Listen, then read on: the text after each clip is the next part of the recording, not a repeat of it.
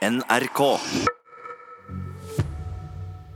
Og i Kulturnytt nå så skal det bl.a. handle om den amerikanske versjonen av Skam, som eh, startet i natt. Ja, og det ser ut til at interessen er stor og økende. Vi serverer en liten smakebit straks.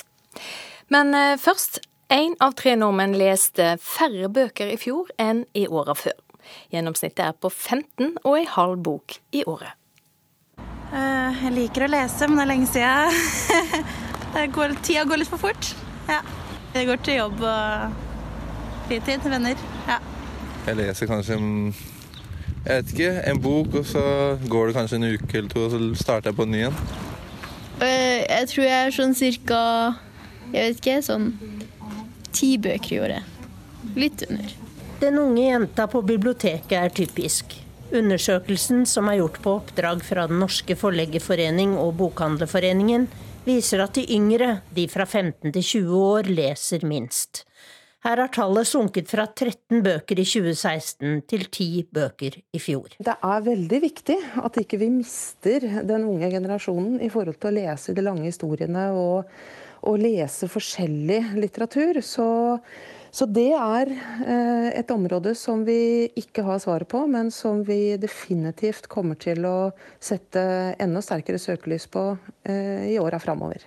Dette er Trine Stenersen. Hun er administrerende direktør i Bokhandlerforeningen. Hun er glad for at undersøkelsen viser at vi fortsatt er et lesende folk. Undersøkelsen blir gjennomført hvert annet år, og forteller at lesingen holder seg stabilt på et høyt nivå, selv om den har gått litt ned siden forrige undersøkelse.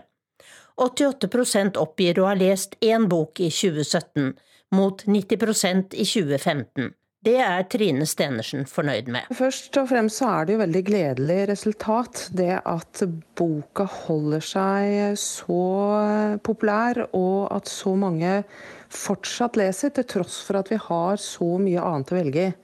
Så det, det, overrasket meg kanskje ikke, men det er i hvert fall veldig gledelig.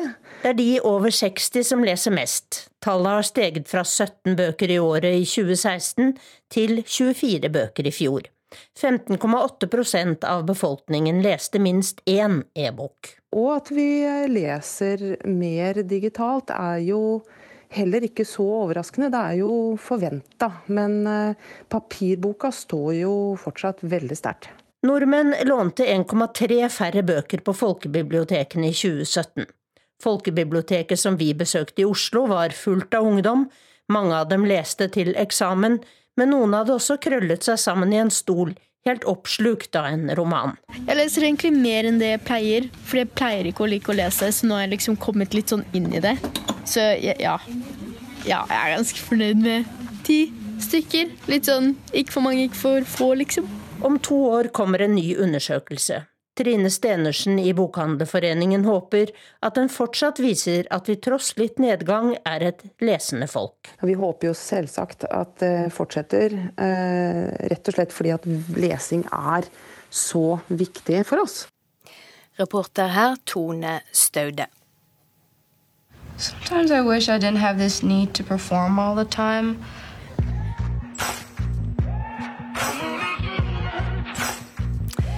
Ja, dette var altså starten på den amerikanske versjonen av TV-serien Skam. Skam Austin, som serien heter i USA, er basert på den norske ungdomsserien som tok unge over hele verden med stopp. Den amerikanske versjonen av Skam blir bare vist på Facebook, og seertallene vokser raskt. I løpet av de første timene har flere enn 600 000 klikka seg inn for å se det aller første klippet. I går kom meldinga om at kunstneren Terje Brofoss er død, 77 år gammel. Under kunstnernavnet Pushwagner ble han en av våre viktigste samtidskunstnere. Popkunsten hans er sjablongaktig og inspirert av tegneserieestetikk, og ofte handler det om ensomme mennesker i byens folkerike trengsel. Med meg i studio nå, Jonas Ekeberg, redaktør i kunstkritikk.no. Hvordan vil du karakterisere kunsten til Pushwagner? Pushwagners kunst er veldig lett å huske. Når du først har sett den, så, så kjenner du den igjen. Eh, den tar jo fatt i en eh, opplevelse og en litterær virkelighet og en science fiction-virkelighet og en moderne virkelighet som vokste fram i etterkrigstida, og gjør den til et, til et univers av fullt av repetisjon overvåkning, eh, der mennesker er blitt eh, helt konforme, eh, men de klarer seg likevel fordi de spiser en liten pille hver morgen. Det er et samfunn som på mange måter er en dystopi, men som også dessverre ligner litt på noe av det vi lever i her i dag. Også velkommen til deg, Hans Rikard Elgheim i Grev Wedels auksjoner. Hvor mange er det som har et bilde av Pushwagner på veggen? Svært mange, og mange flere nå enn for ti år siden. Eh, en veldig populær kunstner, og i alle aldersgrupper. Populær i, i bokstavelig forstand. Og jeg tenker eh, Har vi andre kunstnere i 70-årene som lager kunst, som treffer 20-åringer? Der var han også spesiell. Hvorfor er han så populær, tror du? Nei, altså Først og fremst så er dette kunst som treffer tidsånden, og som treffer eh, nåtidsmennesket. Men det er jo det spektakulære også. Det er en, den iscenesettelsen han gjorde av seg selv. Eh, alt det spektakulære han foretok seg når han ankom sine utstillingsåpninger i helikopter eller i en sportsbil, og hadde alltid uventede innfall. Eh, publikum liker sånn, særlig unge mennesker liker sånn. Og det er med på å bygge opp myten. Og når han da tar med historien hans, nemlig fra rennestenen til den absolutte suksess, og at suksessen kommer i moden alder altså Det har alle ingredienser for å bli den historien vi er tiltrukket av. Kommer kunsten hans til å leve videre? Ja, det vil jeg absolutt si. Det er en definitiv kvalitet i denne kunsten. Ikke minst når man ser den i kontekst, altså når man ser den i forhold til den tiden det blir skapt i. Eh, men også når man ser den i forhold til den norske kunstinstitusjonen, som jo har hatt et kjærlighet-hat-forhold til Pushwagner. Eh, og han har jo blitt gjenoppdaget ved et par anledninger. Eh, men først og fremst vil jeg si at Office for Contemporary Art Norway, som er dette samarbeidet mellom Utenriksdepartementet og Kulturdepartementet, som fikk han ut internasjonalt i 2000 2007. Det hadde en veldig effekt tilbake på det norske markedet. Men det er en, eh, det er en nyanserikdom, selv i det sjablongaktige, hos Pushwagner. Og han har en, en presisjon og en konsekvens i alt han gjorde, som gjør at han står støtt i norsk kunsthistorie. Men når folk skal si at han er den største siden Munch, så tar de feil. Så stor er han ikke. Eh, men han er definitivt eh, en, en kunstner som kommer til å bli stående, ja. Hvor stor betydning hadde måten hans å være på, du var litt inne på det, for oppmerksomheten om kunsten hans og for det høye salet? Jeg tror det hadde mye å si, og jeg tror det har nok vært med på å drive prisene opp. Altså gjøre publikum villig til å betale det man har blitt bedt om å betale. Det tror jeg er hevet over tvil, og han er ikke noe sånn sett noe enestående fenomen. Eh, eh, men, så da gjenstår det å se når, når den stemmen forstummer og han ikke er der mer, hva vil skje med prisene? Og Da tenker jeg at hvis vi ser hen til førstehåndsmarkedet, så har alle utstillinger blitt uh, utsolgt uh, med det samme. Mens kunsten i annenhåndsmarkedet, så er situasjonen en annen. Det hadde vært det vært litt tyngre å selge. Det kan bety at prisene har vært litt friske, kanskje.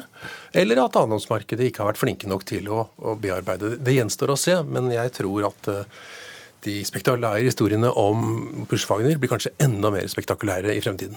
Men Kan jeg bryte inn med et, et, spørsmål her? Fordi Vi som er opptatt av kunsten og tolkningen av kunsten, vi står jo litt på utsiden av det markedet som du beskriver. Eh, men eh, det, vil, jo se ut for meg som om det er en parallell hos Pushwagner til fotografimarkedet, hvor man snakker om to markeder. Du har vintage-markedet, altså de fotografiske kopiene som ble laget av kunstneren der og da i den kunstneriske situasjonen. Og så har du se senere kopier, opptrykk osv. Det samme gjelder jo for Pushwagner. Så vi må vel kunne snakke om to helt forskjellige Pushwagner-markeder? Absolutt, og det har vi gjort si, i, i, flere år. Men fort, de fleste vil mene at, eh, at, de tidlige arbeidene er, de viktige. Og at dette senere er, er hva skal jeg si, eh, gjentagelser og varianter av det. Men selv de tidlige arbeidene har man slitt med. Så liksom Jeg skal ikke bruke ordet hype bokstavelig, men all Viraken rundt Pushwagner har dreid seg om den sene delen av hans produksjon. Så når det får lagt seg det hele, så tror jeg at vintage-markedet, som da min kollega kaller det, vil, vil ta seg kraftig opp, og hans kunst blir stående også kommersielt. Er det den sene produksjonen som har vært den beste? Nei, Jeg syns nok ikke det. Eh, jeg vil gjerne se dette historisk i lys av 60- og 70-tallets eh, samfunnskritikk. Og så vil jeg anklage den norske kunstinstitusjonen for å ha vært altfor opptatt av poetisk ekspressivt eh, maleri altfor lenge, slik at de overså Pushwagner til en viss grad på 80-tallet. Eh, men så hadde han en stor utstilling på Kunstnernes hus i 1997 og ble nok en gang gjenoppdaget i 2007. og Etter det så har jo markedet åpnet seg. Men det er, det er disse verkene fra, fra 70-80-tallet som er de helt sentrale. Samarbeidet med Aksel Jensen osv. De originale tegningene som turnerte på museer i Europa for ti år siden. Dette er, eh, som Kunsthistorisk sett så er det dette som er gullet. Kan det bli trykt opp flere bilder? Uh, jeg håper ikke det, for å si det helt direkte. Men man kan jo ikke utelukke det. Hva som ligger av tillatelser, eh, vet vi ikke. Men akkurat dette poenget med at han ble såkalt gjenoppdaget, det sier jo noe om markedsføringsbetydningen. Altså rett og slett hvordan man behandler et kunstnerskap kommersielt. For det var jo det gjennombruddet som gjorde at vi i dag hyller ham, for at vi kjenner ham uh, i det brede laget av folket som en, som en, stor kunstner. Så det er et interessant studium, det der. Hva skjedde da, da Pushwagner ble gjenoppdaget på ja, for, det for det er jo også et samspill mellom det kunstfaglige og det kommersielle her, som uh, det er et eksempel på i 2007-2008. Men uh, du tror prisene kommer til å gå opp nå? Nei, jeg tror at prisene vil holde seg. Eh, og prisene har vært høye lenge. Jeg tror de vil holde seg, interessene vil holde seg. Og som sagt, når 20-åringer interesserer seg for kunstnerskap, så er det lovende også for fremtiden. Takk for at dere kom hit til Nyhetsmorgen og Kulturnytt, Jonas Ekeberg og Hans Rikard Elgheim.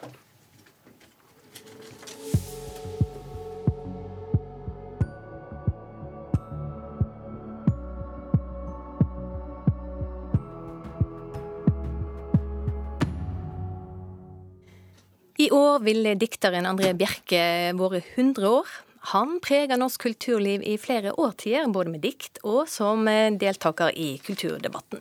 Vi skal høre et opptak med Bjerke. Jeg skriver ikke lett. Jeg forsøker å uttrykke meg klart. Og det er ikke lett å uttrykke seg klart. Derimot er det meget lett å uttrykke seg uklart. Ja, Litteraturmelder her i NRK, Knut Hoem. Hvem var egentlig André Bjerke?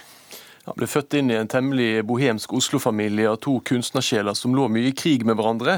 Men så hadde han jo dette åpenbare talentet for å skrive dikt i bunnform. da. Altså Mange kjenner jo moroversene hans, f.eks. i landet Mira Marmora var faro på ferie hos farmora og, farmora og mormora osv.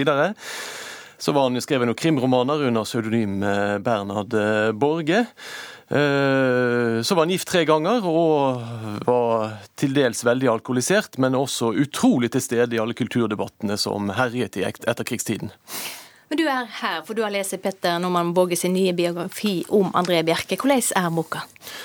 Nei, altså, Peter Normann Våge har hatt et gullkantet kildemateriale. Det er hele 13,5 hyllemeter med bjerkeskrifter i Nasjonalbiblioteket. og Dette styrer Normann Våge på sitt eget vis. Eh, Bjerke sjøl kommer mye til orde, og det spruter jo i liv av alt hva denne mannen skriver, om det så er stipendsøknad til Kulturrådet. Har André Bjerke fått den posisjonen han fortjener? Trolig ikke. Krimromanen kanskje, og versene også. Men han jo, kom jo på kant med de rådende trendene. Han var antimodernist, han var antisosialdemokrat, han var anti-1968. Det eneste han var for, det var antroposofi, men det var ikke så veldig trendy. Hvorfor skal vi lese en kunstnerbiografi om André Bjerke? Man trenger et punkt som man kan se Norge fra, og André Bjerke er et sånt punkt. Og her får vi jo 40-, 50-, 60- og 70-tallet som passerer revy, og i tillegg så kan man tenke gjennom rimet og rytmens betydning i ens eget liv, og om kanskje ikke det burde vært litt større. Takk skal du ha, kollega Knut Hoem. Da er det straks klart for eh, Dagsnytt.